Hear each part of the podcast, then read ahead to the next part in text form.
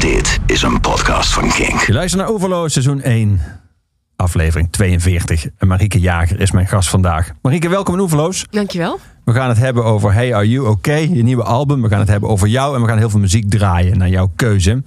Ehm, ik stel voor dat we meteen met het laatste beginnen. Dat we meteen naar Suzanne Vega gaan. Heel leuk, Ehm, ja. Ben je vooral liefhebber van haar? Want ik heb haar wel eens solo gezien, helemaal een eentje op het podium. Dus ook- Ja. ook af en toe met band.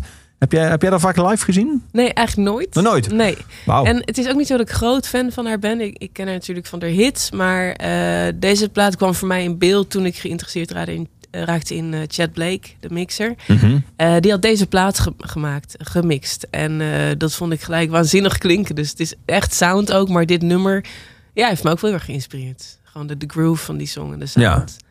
Ze is daarnaast even een paar, eh, Luca en Thomas Dinners, even Ja. een paar van die hele grote anthems, zeg maar, van die nummers. Ja, ja, ja. Als jij dan live zou gaan zien de volgende keer als ze komt spelen, vind, vind jij dan dat, dat je als artiest die nummers die door een deel van je publiek gewoon als classics worden gezien, dat je die altijd moet spelen? Ehm, ja, dat is heel dubbel natuurlijk. Als ik haar nu zou gaan zien, dan zou ik ze wel graag willen horen. Omdat ik haar nog nooit live heb gezien. Ehm, maar ja, nee, ik vind dat je als artiest dat, dat zelf moet kunnen bepalen. Ja. Sommige artiesten zijn ook echt niet meer geïnspireerd als ze een nummer al honderd keer gespeeld hebben. Dus dan kan je het maar beter niet doen. Ja, sommigen lossen dat op door vrolijk het publiek te laten zingen of zo. Onder motto van dit is jullie nummer, is Ah, ja. jullie. Maar Ja, heb jij dat? Heb jij nummers die, waar je niet aan ontkomt? nou, ik heb nooit een grote hit gehad. Dat is eigenlijk een groot voordeel ook. Eigenlijk wel, ja. Ik bedoel, ik wil het wel natuurlijk. Je wil dat ook, wie niet. Maar ehm, het heeft wel dat, ervoor gezorgd dat ik dat publiek heb die zeg maar alle liedjes kon waarderen. Die gewoon echt voor die hele plaat. Eigenlijk albumpubliek. Ja, ja. En dat is super waardevol. vind eigenlijk. ik. Nou, fantastisch. Ja, Ja. absoluut. Ehm, dus bij mij is dat niet zo... eh, nee, eigenlijk helemaal niet aan de hand. Ik kan gewoon alles spelen. Scheelt. Ja, dat is wel een enorme vrijheid. Dus je kan elke keer Ja. de setlist samenstellen die jij wil die avond. Ja, zeker. Ja. Of, of merk je bij als je bijvoorbeeld als je toert dat je wel ongeveer hetzelfde aanhoudt, omdat je ook de band en het lichtplan en eh, dat alles zo zo van is afgestemd op één Ja, geheel. We hebben net getoerd. Ja. En dat was wel echt. eh, de volgorde is dan wel bepaald. Inderdaad, voor licht met name. Daar hebben we gewoon iets meer mee uitgepakt. En, maar er kan wel. Ik bedoel, iedereen is echt wel flexibel. Dus als er iets gebeurt of als er iets spontaans is met publiek of zo, dan kan je wel wat veranderen. Dat kan natuurlijk altijd. Eh, maar het meeste is wel. eh, ja, op wat improvisatiestukken na is dat wel best wel bepaald. Ja. Bij deze tour althans. Ja. Maar is niet altijd zo geweest. Als iemand spontaan een, opeens een oud nummer van, een- van twee albums geleden bij jou wil horen, heb je Ja. dat dan paraat? Of eh, bijvoorbeeld textueel ook? Nou, dat is een hele goede vraag. Eh, eh, nee, ik vergeet heel vaak mijn eigen teksten van oud werk. Dat moet ik echt Maar ophalen. bij heel veel artiesten hebben dat. Ja, oh, is dat ja, gelukkig. Maar ehm, ik weet niet, je hebt van die mensen die schudden alles uit hun mouw. En ik merk ook dat ik, ik ben niet geschoold op gitaar. Ehm, dus ik heb dan echt wel moeite om weer eh, liedjes terug te vinden, tokkelliedjes of oude nummers of zo. Die, daar moet ik echt eh, even op oefenen. En ik heb natuurlijk wel motorisch gehe- geheugen. Gelukkig. maar ehm, ja, dat, dat komt dan eh nauwer. Dus daar moet ik even naar zoeken. Ehm, ja, dat kost wat tijd. Maar die vind ik altijd wel terug, maar dan moet ik echt gewoon zelf voor repeteren. Dus als ik nu weer bijvoorbeeld, ik heb nu natuurlijk mijn nieuwe plaat gespeeld en als ik binnenkort ga ik ook weer eens een keertje alle hele kleine liedjes spelen van eerdere platen. Ja, die moet ik echt ophalen. En textueel eh, hier en daar ook, niet altijd. Nee. Maar vooral het spelen moet ik vaker ophalen. Ja. We gaan naar Suzanne Vega luisteren. Kunnen wij meteen van iets horen van de kwaliteit van de mix? Of is dat echt totaal muzikanten nerdy gedoe wat we echt voor een gewone Ja, luisteraar niet is weggelegd? Nou, ik ben helemaal geen muzikanten-nerd, weet je wel. Ik ben ook maar gewoon in muziek, ja, zeg je dat, consument. En ik heb geen opleiding en ik, ik doe ook maar wat, zeg maar. Dus ik vind dat altijd, mensen moeten zichzelf helemaal niet onderschatten als het daarover gaat. Maar je hoort wel heel duidelijk eh, die, die sound van Jet. ehm, en dat zit hem vooral ook in de drums en in de percussie. Die, die geeft hij wel een, een hoofdrol, daar houdt hij heel erg van. Eh, en, en Chet Blake is ook gewoon heel erg goed in om dat je alles kan horen. Dat alles en, en dat haar stem ook nog overeind blijft of zo. Maar eh, het is, ja goed, lekker luisteren. Ik zal het niet over gaan nerden. Gaan we doen. Ja. Blood makes noise.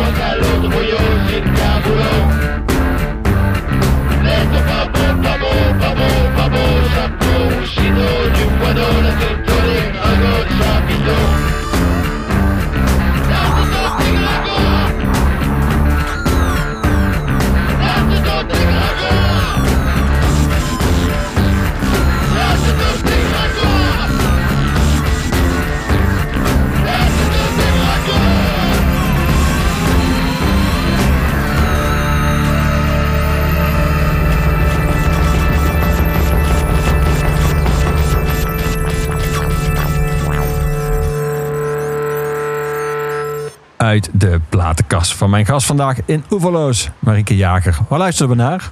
Ja, je moet zelf even zeggen hoe het ook weer heet. Want Monofocus. monofocus, precies. Ja. Ja, ik ken het nummer ook pas net. Oh ja? Ja, weet je, ik, ehm, ik ben net op tour geweest en eh, ik was mijn stem kwijt. En ik mocht niks zeggen. Eh, dus ik moest eigenlijk heel saai in de bus eh, achterin zitten en mijn mond houden. En toen had ik gelukkig twee hele leuke... mijn bassisten Erik Harbers en Sanne was mijn als tourmanager. Die kennen ongelooflijk veel muziek. En die zaten lekker met z'n tweeën voorin. En die gingen elkaar op een gegeven moment allemaal hele tof muziek draaien. Dus ik zat achterin zwijgend te genieten van wat er allemaal voorbij kwam. En dit was één zo'n nummer eh, toen we vanuit Leeuwarden terugreden. Midden in de nacht wat voorbij kwam. Gewoon lekker een beetje lomp en rauw. Maar ik vond het wel heel fijn. Dus ik Ja. vond het heel tof om dit via te leren kennen. Ja. Dus je hebt dit nummer, denk je aan Leeuwarden en, en, en donker, de nacht. Ja, in mijn mond houden, ja. Ja. Je mocht niet voor de show praten, ook niet daarna. Eh, nee, juist niet erna. Na de voor, het is alle twee heel belangrijk. Als je net een concert hebt gedaan, dan ben je zeg maar wel een soort van opgewarmd. Maar als, je daar, als ik daarna eh, naar de merch tent zou gaan en met mensen zou gaan kletsen, wat ik heel leuk vind en belangrijk, eh, ja, dan, dan doe je stem Ja. echt geen goed. Maar dan moet je meestal ook al wat schreeuwen, omdat er ook muziek op staat. Ja. Of mensen staan wat verder weg. Of, Precies Ja. dat. Ja, je moet overschreeuwen. En dat mocht niet. Dus ik, ik moest echt heel gedisciplineerd steeds terug naar de kleedkamer. Niks meer zeggen. Bubbelen heb ik dan geleerd met zo'n rietje. Bubbelen. Hmm. Ja, Hoe was je hem kwijtgeraakt? Je stem? Eh, ja, gewoon, ik heb heel hard gewerkt op weg naar de tour. Ehm, lang doorgegaan met alles. Er kwam spanning bij ook, want op een gegeven moment nadert die tour. En ben je alles aan het voorbereiden met het heel team. Ehm, en ik heb drie kinderen, dus mijn nachten zijn ook nog niet eh, geweldig. Eh, jonge kinderen. Alles bij elkaar. En toen uiteindelijk een stemvirus, wat mijn kwetsbare stembanden natuurlijk wist te vinden. Ja. En ja. dan is hij in één keer weg of dan hoor je hem langzaam weg Ehm, glippen? Ik merkte s'avonds iets. Ik dacht, nee, dat zou toch niet? En toen werd ik 's ochtends wakker. En dan probeer je te praten. En toen was hij nog maar half. Gewoon heel schoor. Of hees, hoe heet het? Alle twee. Ja. Ja. En als ik dan door was gegaan, dan was hij weg geweest. Dus toen heb ik twee shows moeten uitstellen. Verschrikkelijk. Ja. het. Echt zo erg vond ik dat. Ja.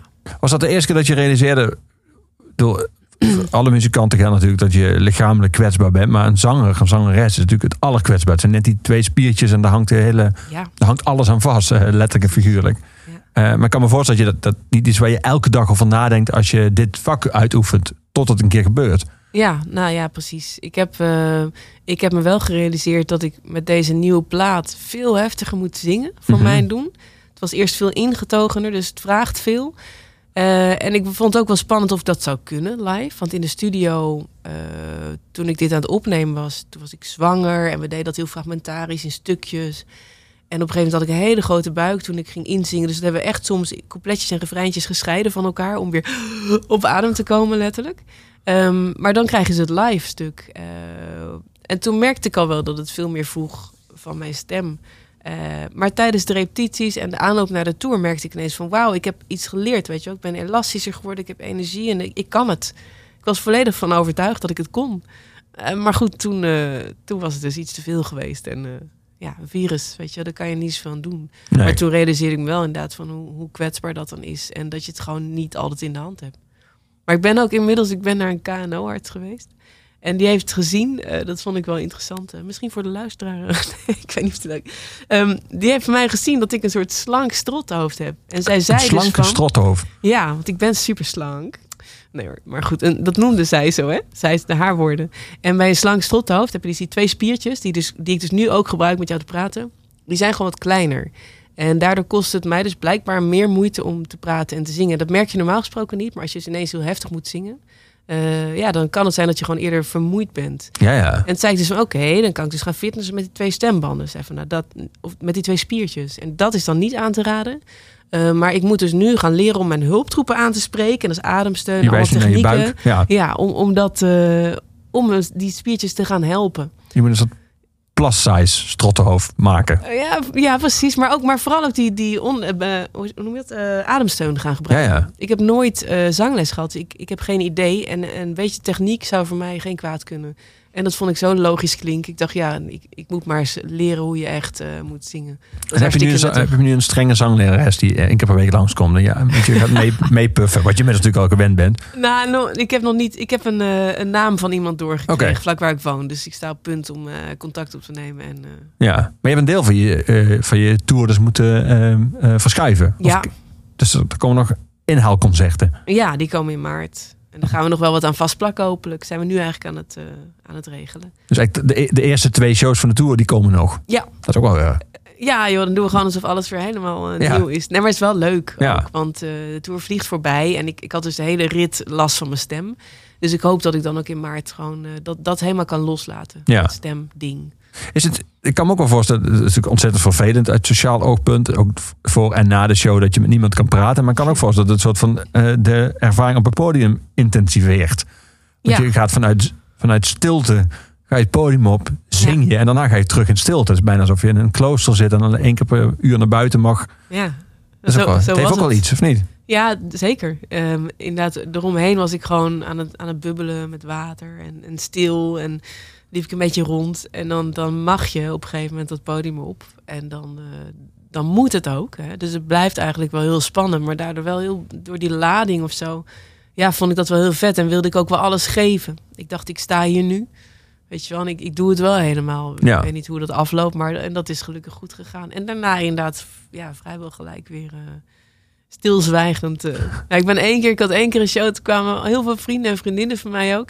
En toen had ik een briefje opgehangen van, eh, ik mag van mijn dokter, dokter niet praten, maar ik wil, wil jullie wel graag even zien. en iedereen begreep dat. Dus dat Ja. ging ook goed. We gaan muziek draaien. We gaan luisteren naar Beck. Ehm, ben je liefhebber van zijn hele oeuvre? Eh, nee, Zo- niet de hele oeuvre. Dat zelfs bestaat uit albums die je soort van zelf moeten. Dat was wel heel experimenteel toen, dat album waar je, soort zelf, waar je, waar je alleen maar de noten en de teksten we- we- weggaf. Moet je het zelf spelen. Oh, die. Ja. Ja, die heb ik zelfs eh, mogen, een paar nummers mogen zingen toen met eh Conrad Koselleck Big Band. Ken je Hm, dat? tof. Was heel te gek, met allemaal gastzangers inderdaad. Ik weet even niet meer hoe die plaat heet. Heel mooi, met zo'n muziek, Ja. met een eh, boek erbij. Ja.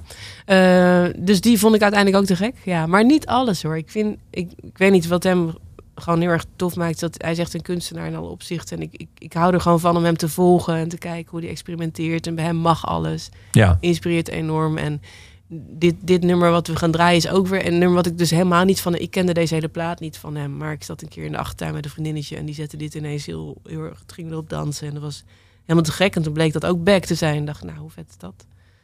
Dus, We gaan naar hem luisteren. Beck.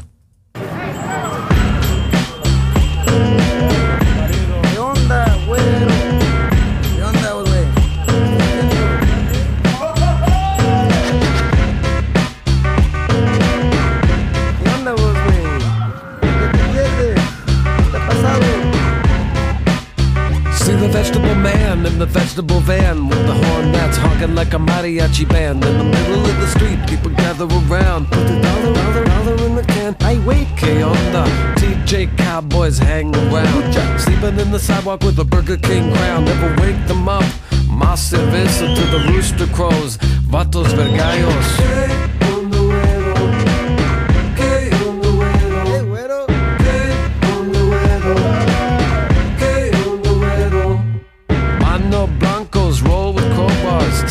Sing on cheap guitars.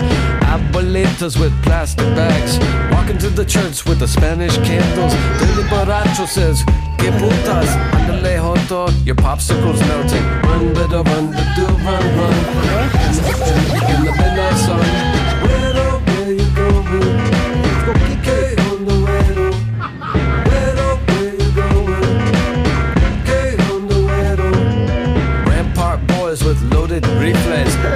Watermelon soccer ball, the replays. Mango ladies, vendedoras at a bus stop, sing a band of macho chorus. What?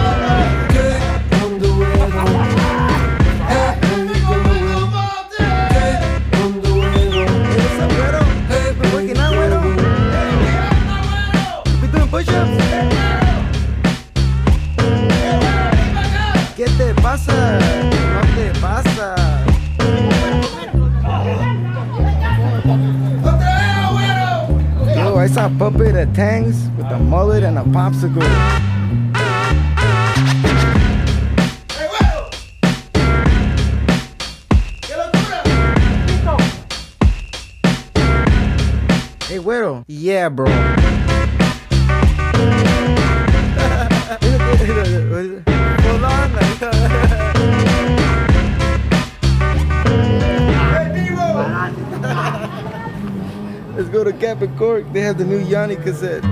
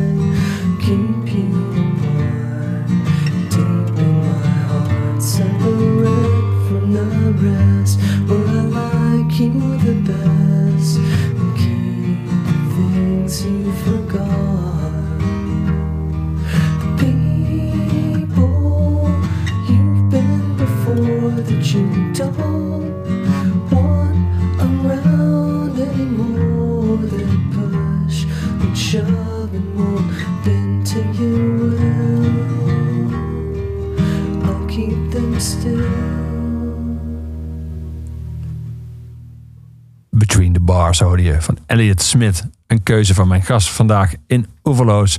Zangeres Marieke Jager. Een nieuwe album Hey Are You Okay is uit. En de tour is voor een deel al voorbij. Maar voor een deel komt hij ook nog. Want in maart gaat Marieke verder spelen. 7 maart speelt ze in de Spot in Middelburg. En 15 maart in Hedon in Zwolle. En dan komen nog wat shows bij. Maar dit zijn die twee shows van de eerdere deel van de tour. Dit zijn de mensen die eh, heel lang het kaartje dan in eh, portemonnee hebben bewaard. Of waar dan ook. Precies. Ja, het is ook eh, totaal achterhaald dit. Want het staat gewoon in een eh, app waarschijnlijk. Maar Ja. ik vind het toch een mooi idee dat ze dan het kaartje uitgeprint ergens hebben. Ja. Ehm, was je bij leven fan van Elliot Smith? Of heb je hem pas ontdekt nadat Elliot Smith er niet meer was? Pas daarna. Hm. Ja. Was wel een mooie ontdekking, kan ik je vertellen. Ja. Eh, ja, voor iedereen die hem nog niet kent. Dat is echt een hele grote verrassing. Ja, het is prachtig. En dit nummer ook, joh. Dit is toch echt...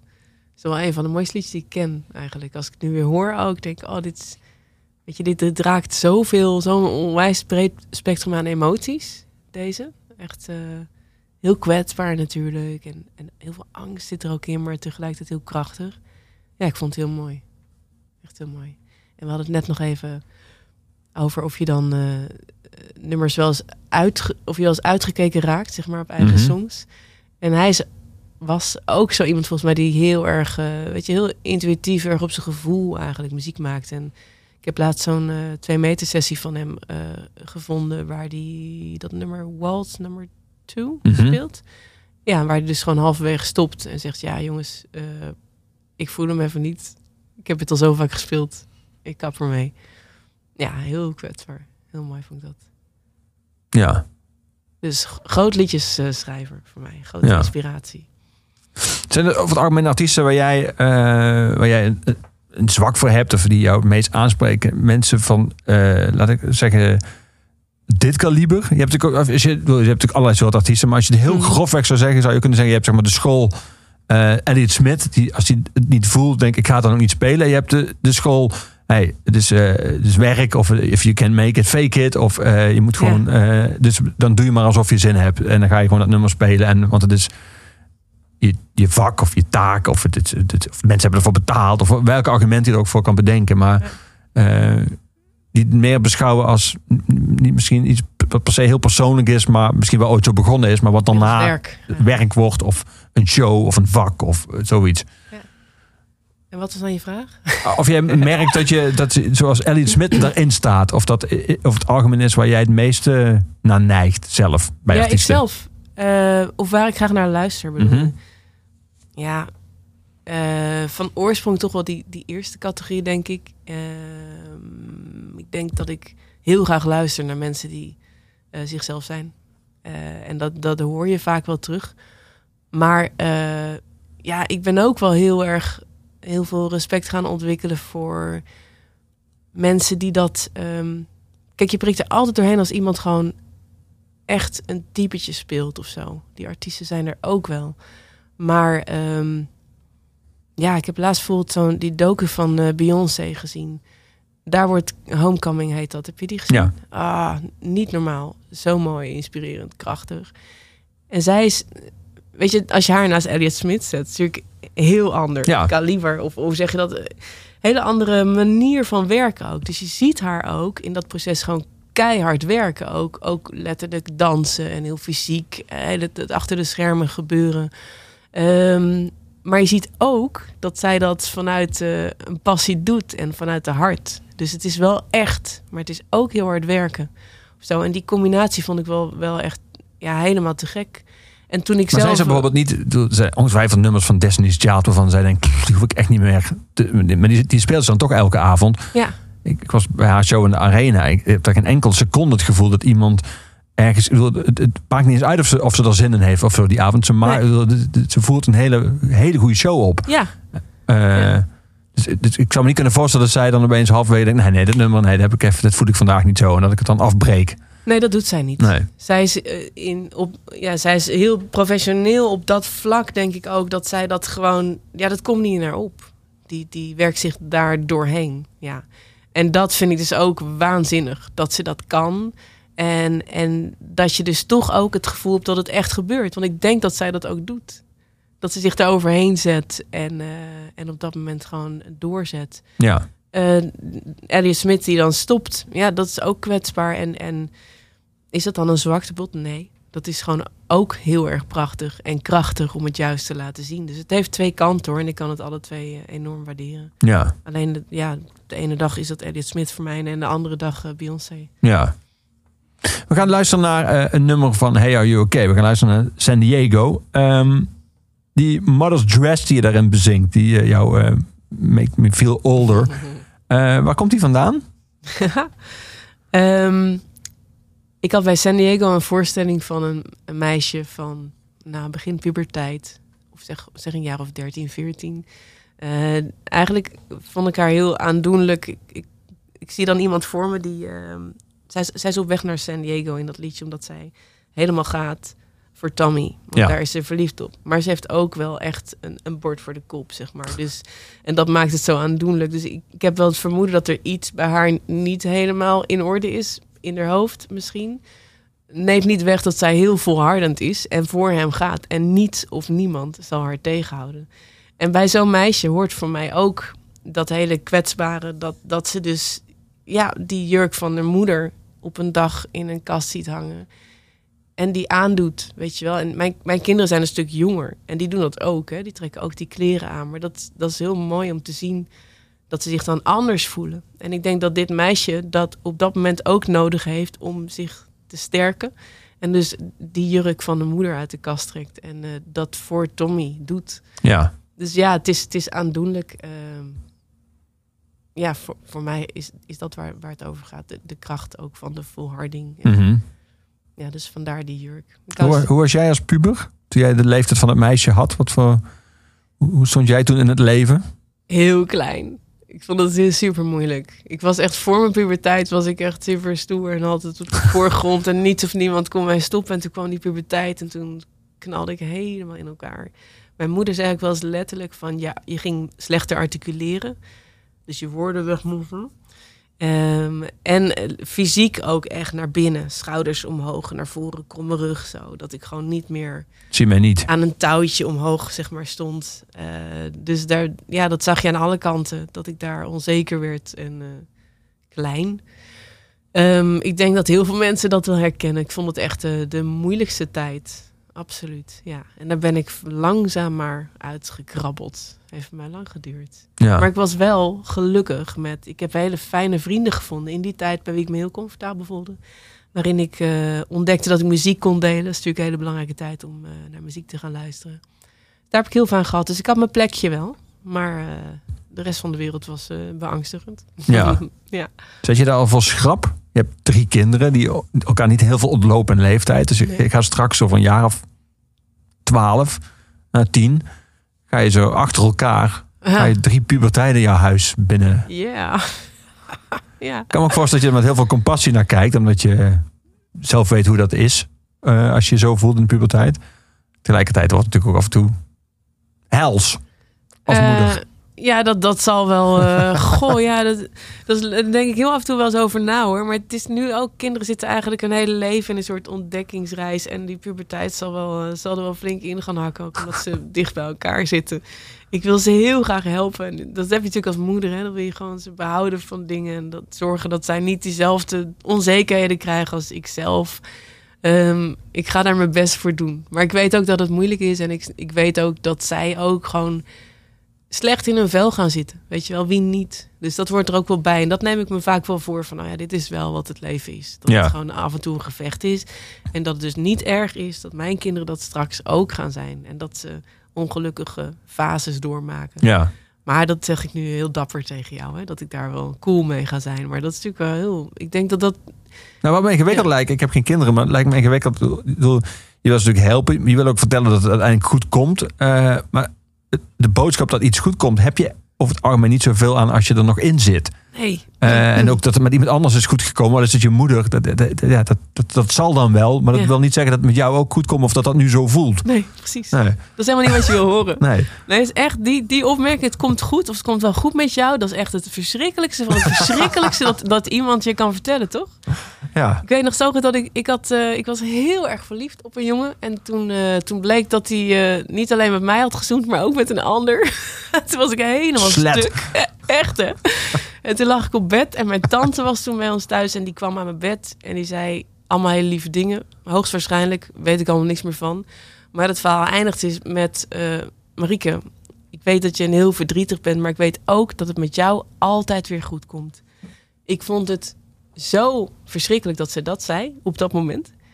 Maar ik kan hem me tot op de dag van vandaag nog herinneren. Want ze had wel gelijk. Zeg Ja. maar. Ik ben wel zo iemand, weet je wel. Ik kan wel diep gaan, het donker in. Maar het komt bij mij eigenlijk altijd weer goed. En eh, dat zag ze heel goed en dat benoemde ze ook. Maar dat had ze gewoon niet moeten zeggen op dat moment. Nee. Ik had toen gewoon echt een, een dikke knuffel nodig, een schouder en, en een eh, ja, hoop non-verbale, eh, hoe zeg je dat, zachtheid. Ja. Ja. Want hoe komt het eigenlijk? Is het, is het dat eh, als iemand zegt het komt goed, dat het daarmee dan toch een beetje lijkt alsof hij onderschat hoe zwaar het nu is? Of, zo? of, de- of dat hij daar een soort van zelf al overheen stapt terwijl jij er nog in zit? ja, volgens mij is dat het. Ja, ja. Ik denk dat wel als, als kind, maar ook jij en ik nu, weet je wel. Als er iets is, als je je gewoon niet goed voelt of zo, dan, dan wil je gewoon in dat moment zijn. Met iemand. het, het, het liefst iemand die, je- die je lief hebt, zeg maar. En het, het, geeft, het gaat helemaal niet om wat er dan morgen is. Ja, morgen schijnt de zon weer. Ja, allemaal hoela, weet je wel. Maar nu voel ik me zwaar Ja, ja. En ik wil dat jij dat bij mij ziet. En pas als dat gezien wordt, dan dat maakt volgens mij dat je wat beter voelt. Toch? Dat je Ja. aangeeft van, eh, ja man, wat een eikel. Die gast zit hier zomaar dat chickie te zoenen. Wat een eikel. Ik kan me goed voorstellen hoe jij voelt nu. Vreselijk. Ga maar naar hem toe, sla maar op zijn, Ja. weet je. Dat, hem dat wil je horen. Zou jou niet moeten medestanders. aanmoedigen, zou hem moeten afzeiken. Eh, Dat eigenlijk. Hoe is het met hem afgelopen? Geen idee. We gaan naar San Diego.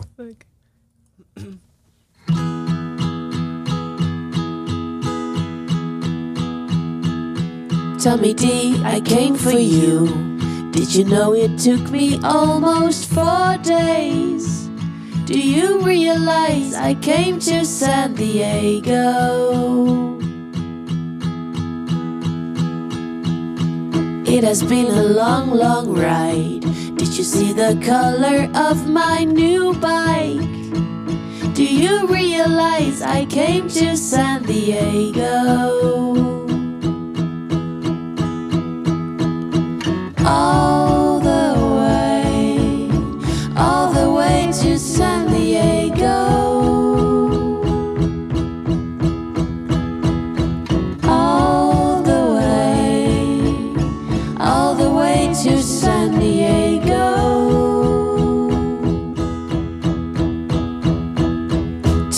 I'm in love with you.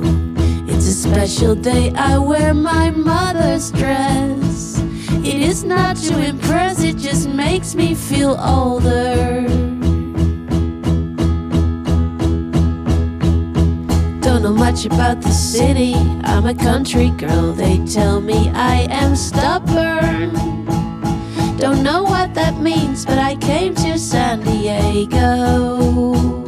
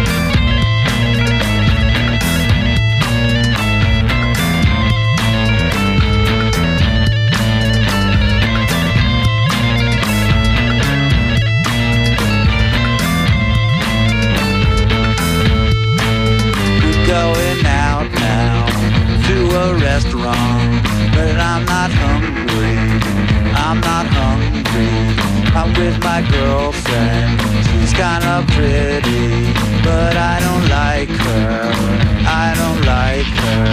We're going out now to a restaurant, but I'm not hungry. I'm not hungry, but I'm not hungry. I'm not hungry.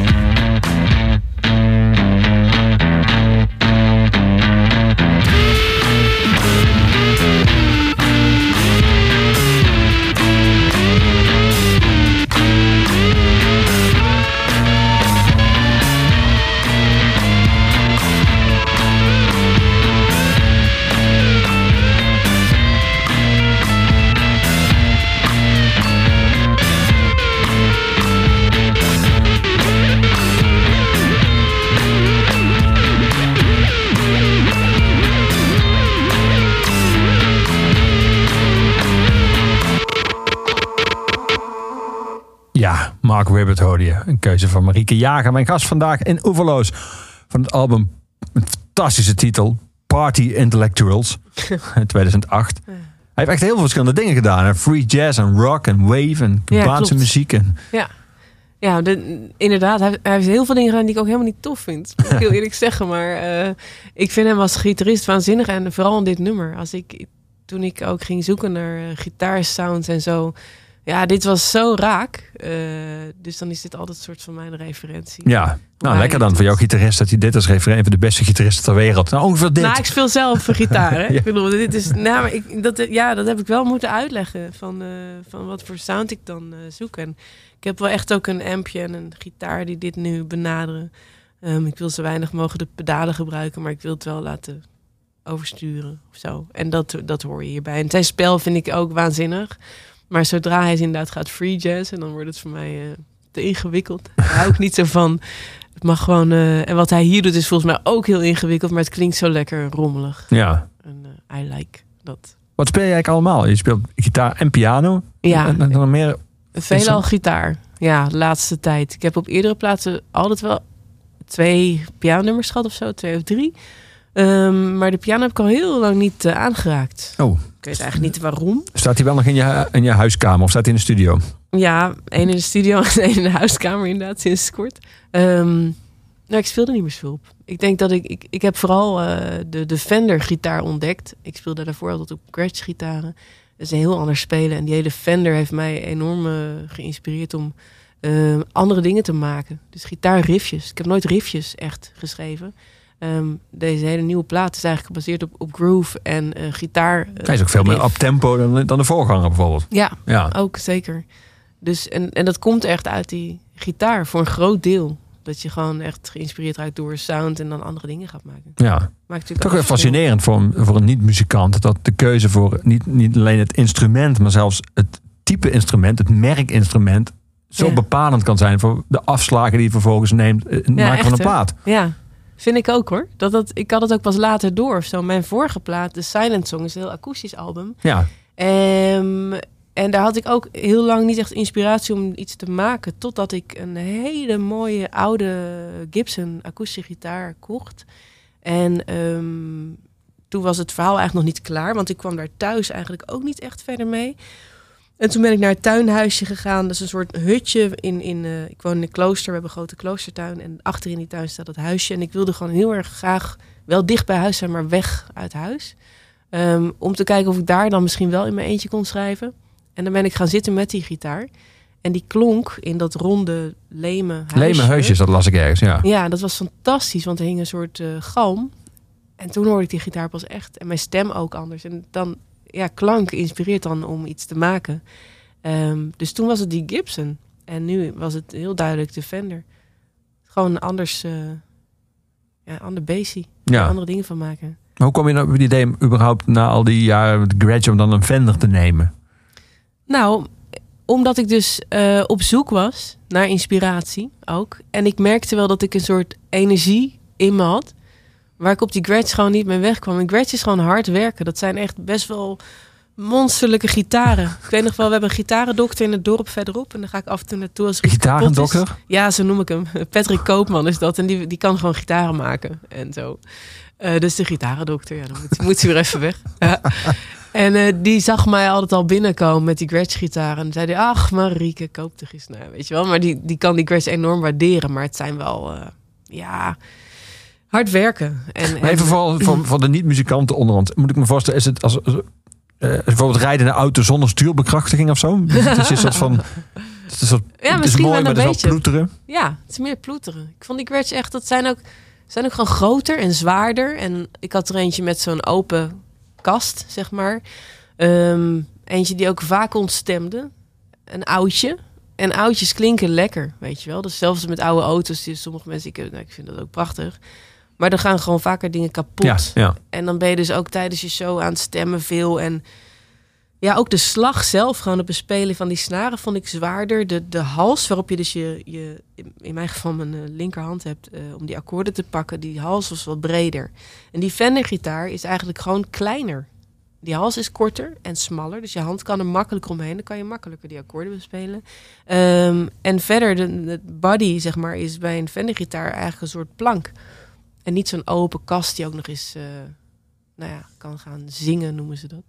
Ehm, dus ja, letterlijk makkelijker gewoon om op te spelen.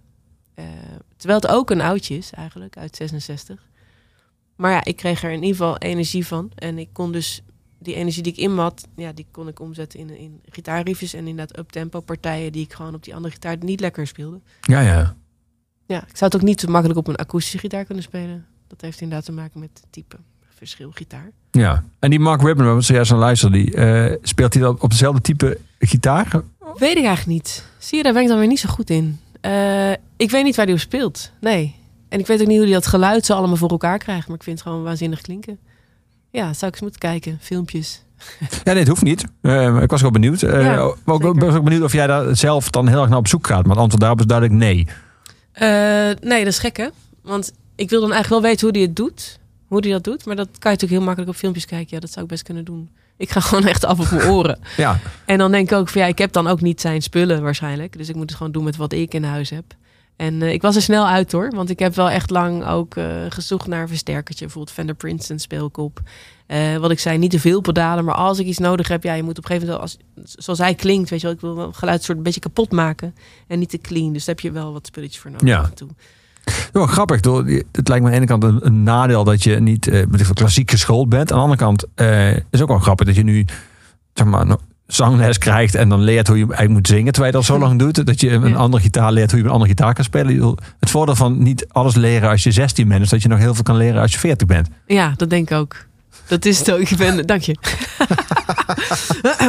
maar ehm, ja, ik ben dus heel beperkt. Maar daardoor ook... eh, ja, ik heb wel eens met mijn band zitten repeteren of zo. En dan keek iedereen naar mij van... Wat voor akkoord speel je daar? En zei ik, weet ik niet. Hier staat mijn wijsvinger, daar staat mijn middelvinger.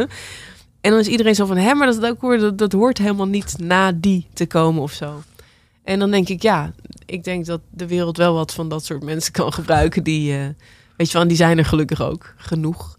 Ehm, en de, de beperking is wel weer gewoon dat ik niet, als je mij een akkoordenschema geeft, kan ik dat gewoon niet gelijk op gitaar spelen. Nee, het is echt op de, op de oren. Dus als ik een liedje maak, eh, dan hoor ik dat in mijn hoofd. En dan ga ik dus op zoek naar waar dat akkoord zit. Ja, ja. Zo, eigenlijk. Een beetje, misschien via een omweg, maar je komt dus ook op op andere plekken. Onderweg kom je op andere... Ja, precies. Ja. Ja. This is the Kid. Ja, Gaan we draaien. Ja. Bij wie hoorde je deze? Want je, komt vrij veel muziek komt bij jou je andere binnen, lijkt het. Ja, nou, ik dacht ook van, weet je, ik vond het heel leuk dat je me hiervoor uitnodigt. En er zit natuurlijk heel veel muziek die mij gevormd heeft, eh, die mij geïnspireerd heeft. En ik wilde juist wat nieuwe dingen meebrengen, althans die voor mij dan nieuw zijn. Ehm, dit is een nummer eh, wat eh, vorige week gedraaid werd tijdens mijn Needle Secret avondje. Ik heb een vinylclub en wij komen met een man of acht elke twee maanden samen, proberen we. Ehm, en ik ben de voorzitter van die club samen met Ramon, vriend van mij. En dan bedenken we een thema. En iedereen neemt dan eh, muziek mee op vinyl. En die gaan we dan om ze beurt draaien. Dan krijgen ze eerst een verhaal te horen van iemand. En daarna de plaat. En dan gaan we in tof. stilte gaan we met z'n allen luisteren. En er hoort natuurlijk ook eh, wat lekker eten en drinken bij. Het is kei gezellig en heel bijzonder om gewoon... En hoeveel platen heb je erin mee? Iedereen neemt één liedje mee. Iedereen, oké. Ja, ja. Maar daar kan je een goede avond mee vullen hoor. Met, eh, met, met de verhalen en de nummers. En dan gewoon dat in stilte luisteren is echt eh, waanzinnig. En ehm, wie kwam hier ook weer mee? Clara, een vriendinnetje van mij, die kwam met, eh, met deze track. En het thema van deze editie was ook van... dit is een nummer wat jij nog niet kent. En ik kende dit dus niet. En er was niemand van die acht die dit kende. This is the Kid. En misschien zijn alle luisteraars hier en jij ook, iedereen hoort het al dagelijks bij Kink. Dat weet ik Nee. niet. Voor mij was het nieuw. En ik heb de rest van deze plaat ook nog niet geluisterd. Maar dit vond ik echt een heel ja, opvallend mooi liedje van deze dame. Ik weet dus ook niet hoe zij heet. Stom, had ik even op moeten zoeken. Ehm, maar zij heeft volgens mij ook de vocalen twee gedubbeld opgenomen. Wat Elliot Smith ook heel vaak doet. Wat Ja. al heel erg... eh, ja, dat maakt het heel spannend of zo. Ik vond erg mooi. Dus ik dacht, ik neem dat ook voor jullie mee. En ik hoop dat het... eh, Tof. We gaan hem wel digitaal draaien. Ik weet niet of dat heel veel afdoet aan de... Want dat lijkt me ook wel de charme dan van die avond. Dat lijkt Ja. het vinyl. Ja. Ja, nee, is echt die speler. Dat is echt een heel, heel ding. Dan wordt hij erop gelegd. En eh, ja, nou, voorzichtig met die plaat. Naald erop. En dat heeft de charme. Ja, Ja. Daar genieten we van. Met Een soort rituele avond ook. Ja, best wel. Ja. Ja. En is de bedoeling dat jullie het daarna gaan alleen bespreken? Of wordt het wordt niet zeg maar, gerecenseerd? Niet de bedoeling dat jij gaat zeggen wat je ervan vindt of zo. Het is gewoon... Gaat vanzelf eigenlijk. Hmm. Vaak als een nummer af is gelopen, dan... eh, ja, er zijn altijd wel mensen die erop reageren.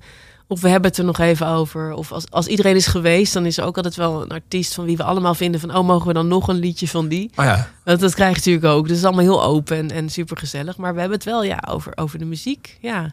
En soms is het, gaat het heel erg over de muziek. Maar soms ook juist over dat verhaal erbij. Wat ik eh, eh, ontzettend leuk vind, is dat ik dus eh, met die vrienden zo'n avond zit. En dat je soms echt, ja, dan, heb je het dus ineens over puberteit of zo. Waar je niet altijd vanzelfsprekend naar vraagt. Van, hey, hoe is het met je en hoe was het toen je 16 was? nee, maar door die muziek dus wel. Of door de thema's die wij Ja. verzinnen. En natuurlijk ook bijzonder om met acht mensen op een avond... zeg maar acht keer pak een beet vijf minuten stil te zijn. Heel, ja. Nou, dat is iets waar ik dus bent er al gewend heel erg van geniet. ja, precies. Mijn mond houden. Nee, maar dat, dat ja, ik heb, ik heb er heel veel behoefte aan zelf ook, merk ik. En ik realiseer me dat het zo belangrijk is om ook een heel nummer af te luisteren. En gewoon echt te luisteren. Want ik luister ook onderweg of thuis als ik bezig ben. En hoe waardevol is het om echt volledig gefocust... eh, soms ook met tips hè, van iemand die zegt van... hé, hey, luister echt even ook naar, naar wat er in de brug gebeurt. Of die, die drum echt fantastisch of wat dan ook. Eh, ja, dat draagt zoveel bij ook. En eh, ik denk dat het ook ja, voor de maker van zo'n nummer... denk ja, zo, zo moet het eigenlijk ook zijn. Dat je gewoon even helemaal verdrinkt in de muziek... in plaats van dat je laat afleiden door alles wat er al is. En dat is, dat is wel hoe het leven vandaag de dag Ja. is. Dus ik geniet erg van deze avonden. Ja. This is the Kid. Gaan draaien. Moonshine Freeze heet het album.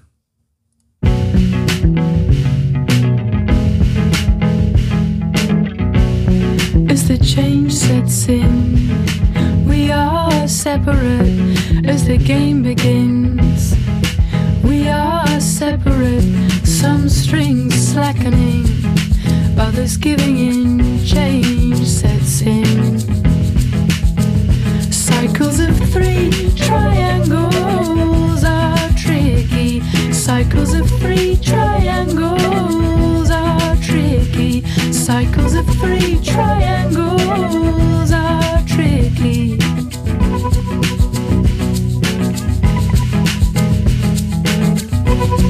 As the change sets in. We are again as the game begins. We are one again. This is the natural order of things. Change sets in. Moonshine, moonshine, moonshine. Freeze, moonshine, moonshine, moonshine.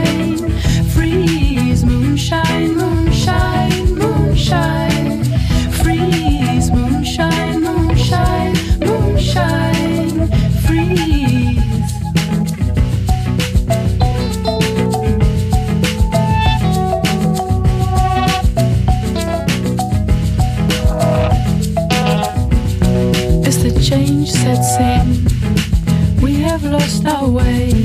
As the game begins, we are found again. As the change sets in, cycles of three, moonshine, moonshine, moonshine, free. Cycles of three, moonshine, moonshine, moonshine, free. Cycles of three, moonshine, moonshine, moonshine, free. Cycles of three, moonshine, moonshine, moonshine, free. Cycles of three, moonshine, moonshine, moonshine, free. Cycles of three, moonshine, moonshine, moonshine, free.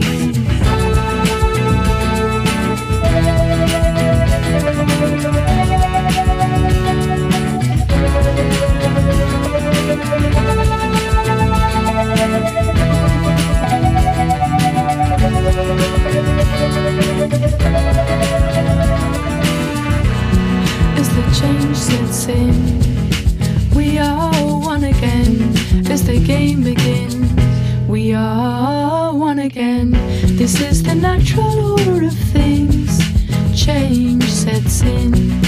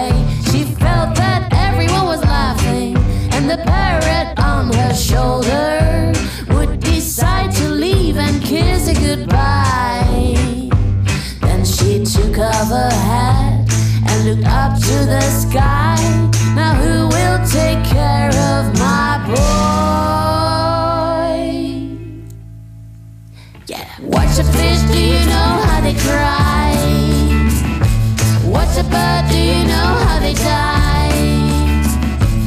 One day I'll be weeping like a mackerel. What's a fish? Do you know how they cry?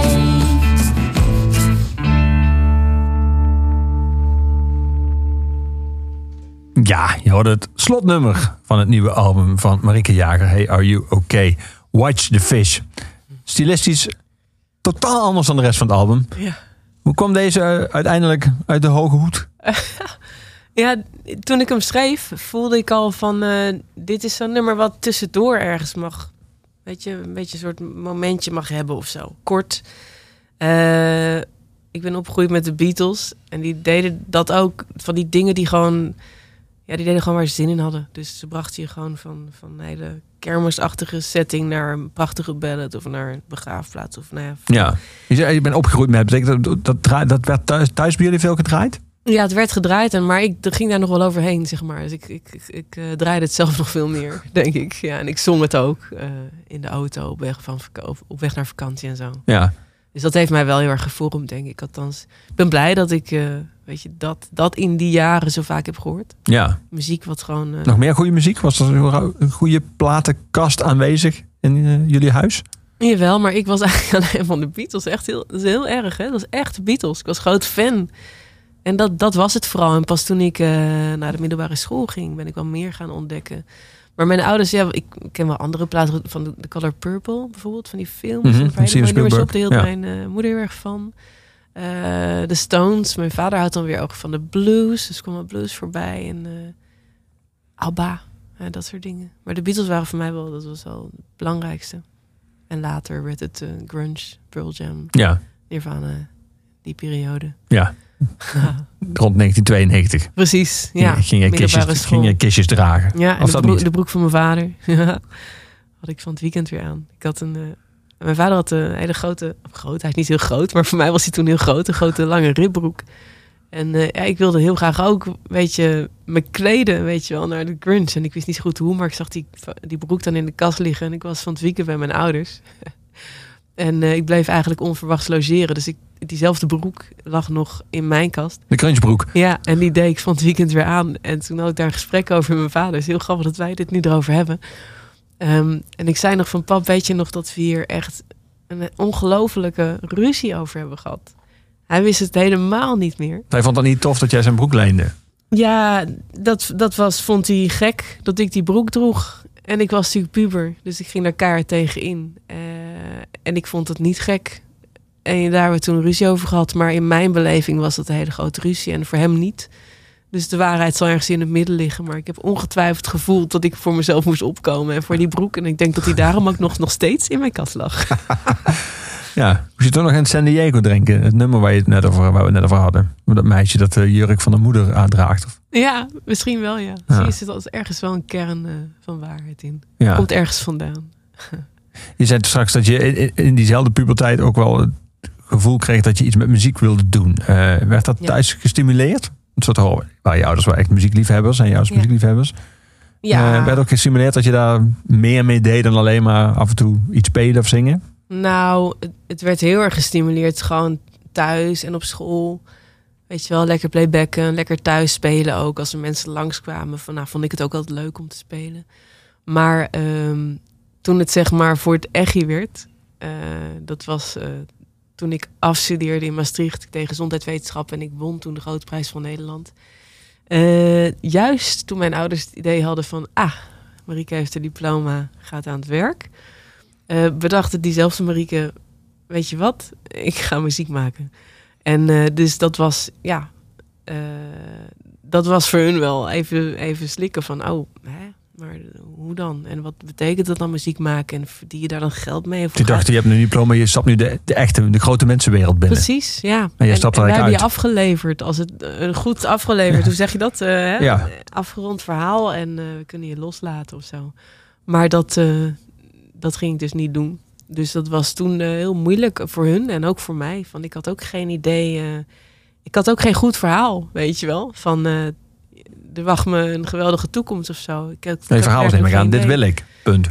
Ja, maar dat, dat zo, zoals jij dat nu zegt, dat uitspreken, eh, dat durfde ik ook niet.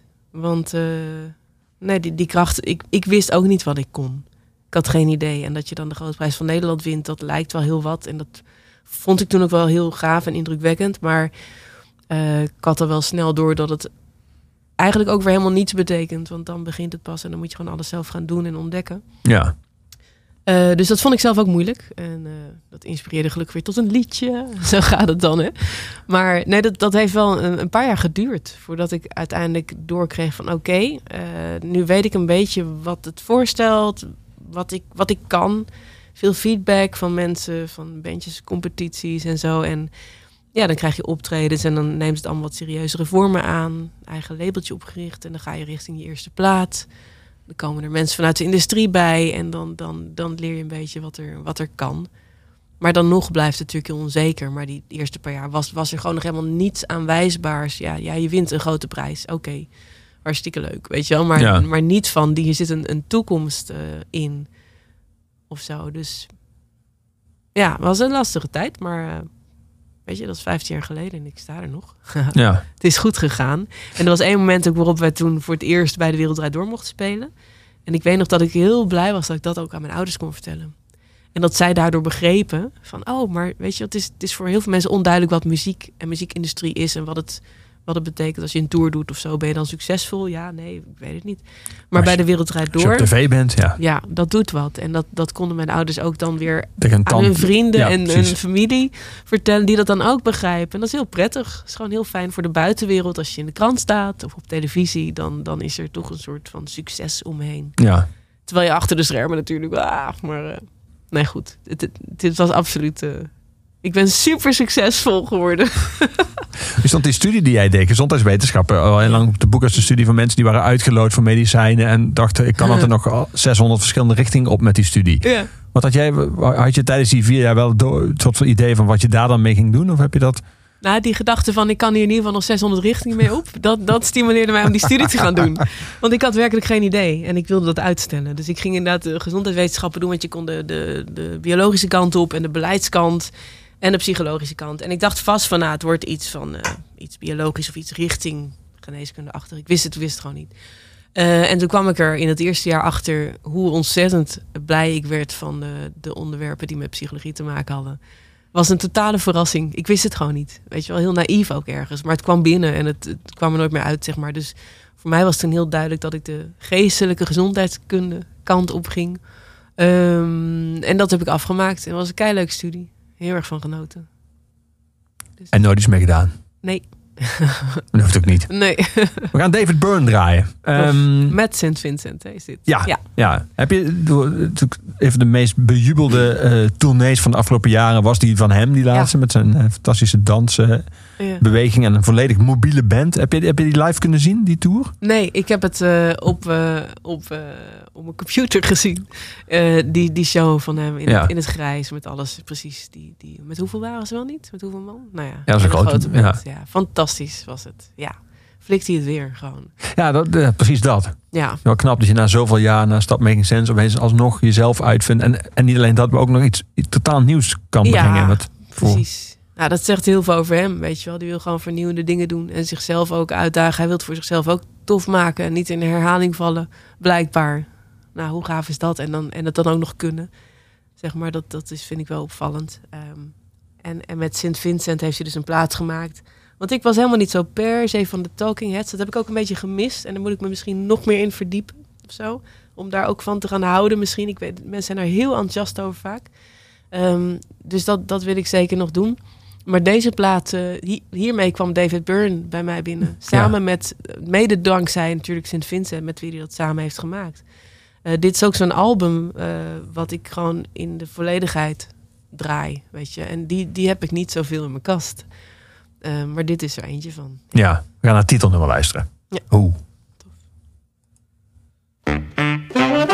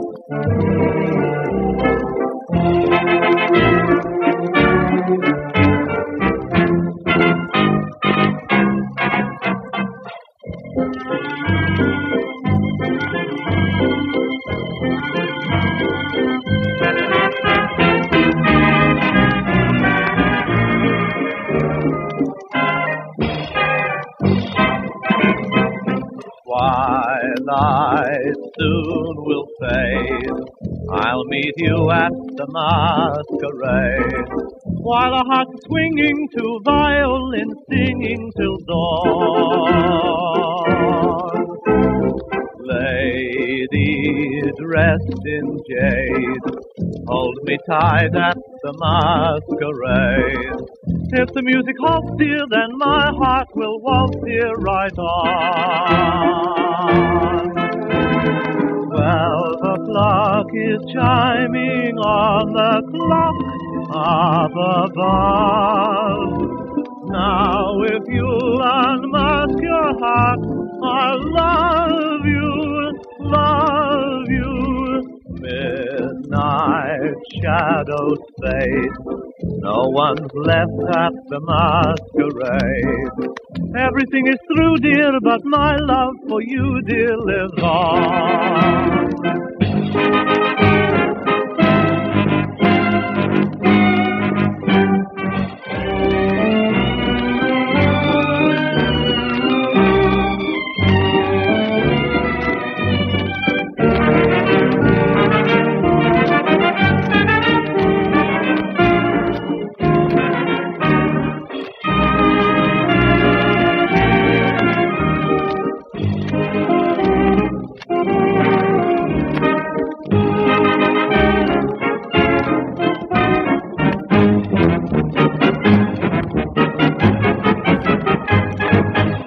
Ja, Marieke Jager. Draag je, draag je ook 78 toerenplaten bij dat vinylgenootschap voor jou, of niet?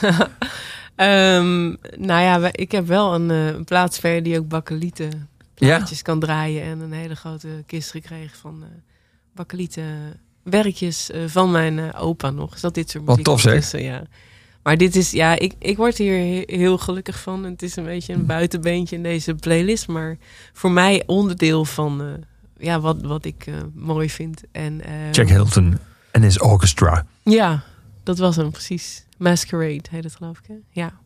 Ik heb een. eh, Maar die heb je ook ontdekt via die eh, platencollectie van je opa? nou, via die collectie ben ik eigenlijk ook online gaan zoeken naar muziek, zeg maar. En daar een beetje verliefd op geraakt. Dat die muziek die je gewoon echt even uit de tijd haalt, zeg maar. En je in een andere film zet. En ehm, eh, we geven thuis wel eens feestjes in de kloostertuin. En dan gaat deze muziek ook altijd op. Brengt je gelijk een hele andere sfeer, vind ik gaaf. En deze, dit nummer, ehm, daar kwam ik eigenlijk pas recent achter... dat dit nummer eh, wordt gedraaid in ehm, The Shining van Stanley Kubrick. Ja. film. En toen dacht ik, wauw, weet je... Waar net een eh, niet al te best ontvangen vervolg op is verschenen, zelfs. Oh, is dat zo? Ja. Oh, dat heb ik niet meegekregen. Volgens mij heb je weinig gemist. Oh, echt? Ja. Oké, nou die, die kan ik dan gelijk deleten. Maar ik, ik vind het dan zo tof dat het zo'n nummer is wat, jij, wat mij eigenlijk heel vrolijk maakt. En als Ja. je dan voorstelt dat het in zo'n psychologische horror een- in een scène gedraaid wordt, nou dan luister je hier wel even heel anders naar. Wat ik heel prettig vind, is inderdaad hele eh, echte filmmuziek wat dat betreft. Ja, heel, ik vind het heel fijn. Ik kan hier avonden naar luisteren.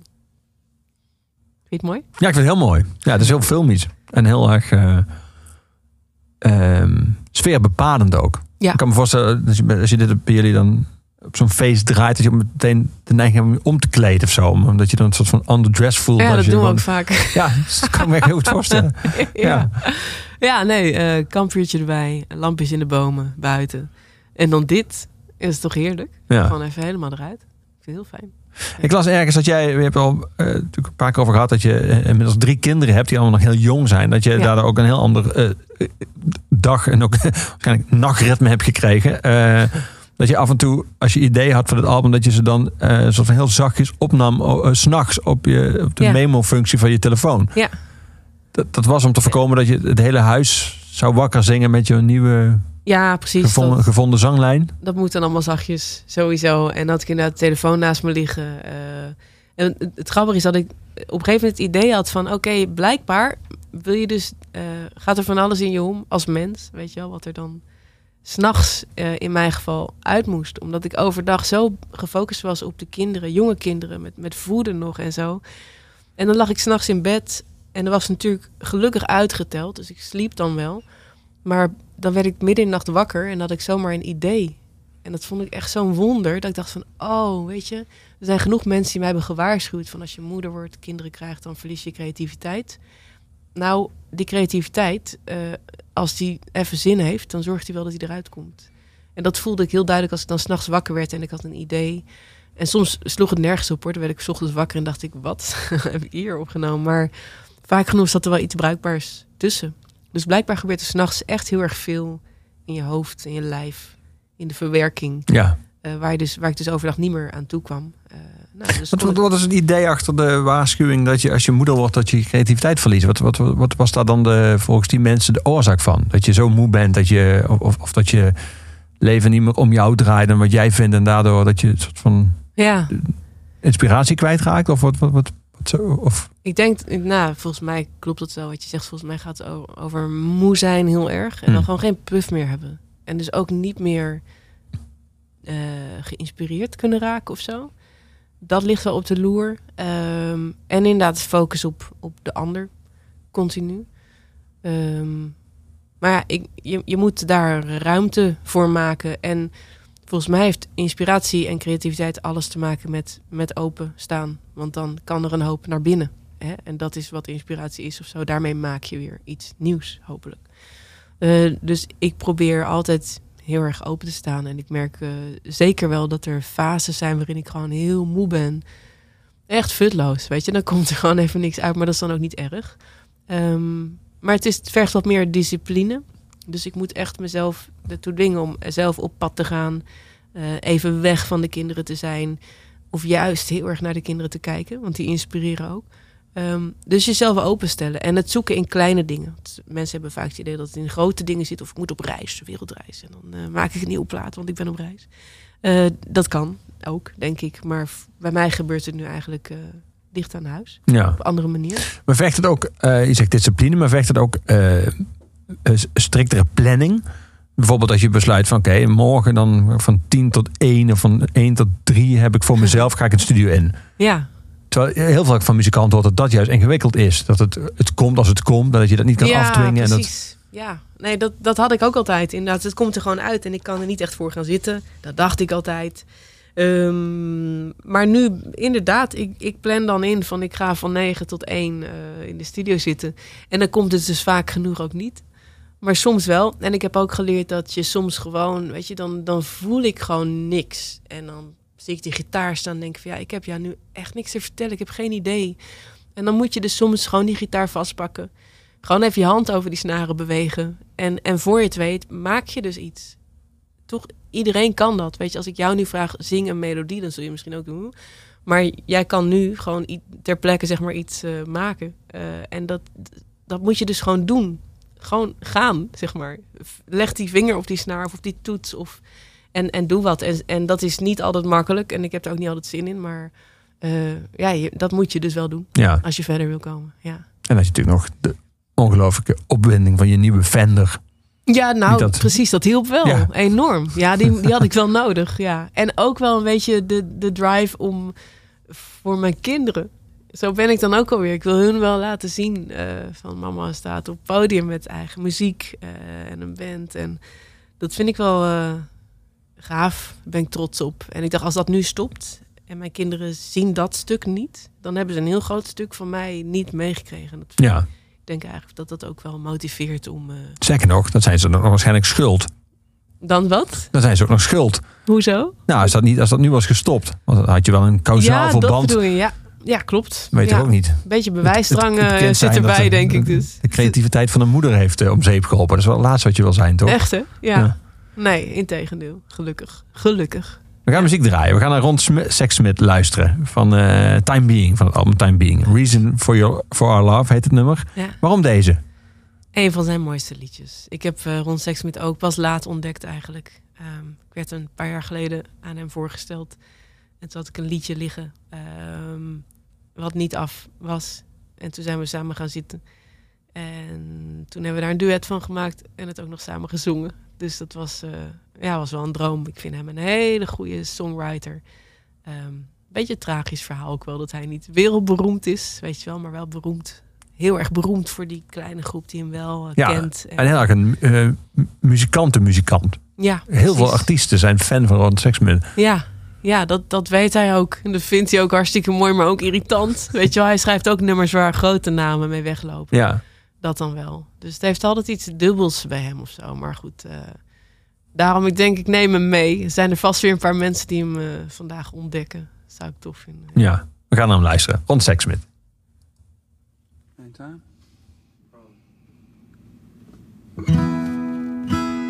Caught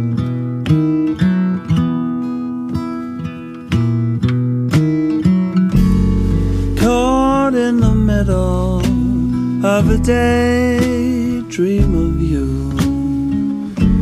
We're lost in this riddle where they keep the answers up above. There's a reason for our love. There's a reason for our love. Life held nothing, now I'm holding her hand. My heart always wondering when all at once it understands. There's a reason for our love. There's a reason for our love. Everybody seems so surprised. Though it has been right before our eyes all the time.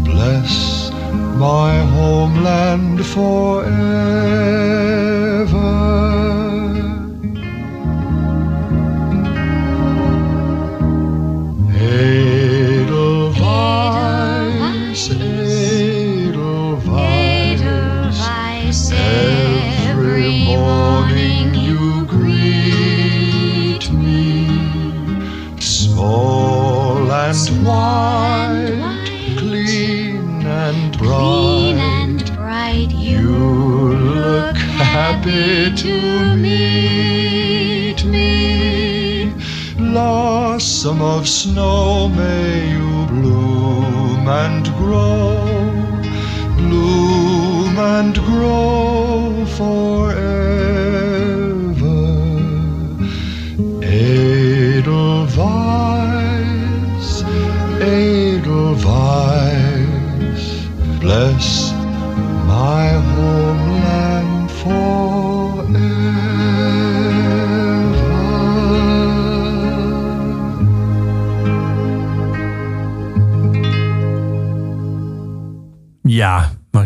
Wat is het verhaal achter dit nummer? Nou, ik dacht het wel mooi om af te sluiten met een Zeker. lullaby.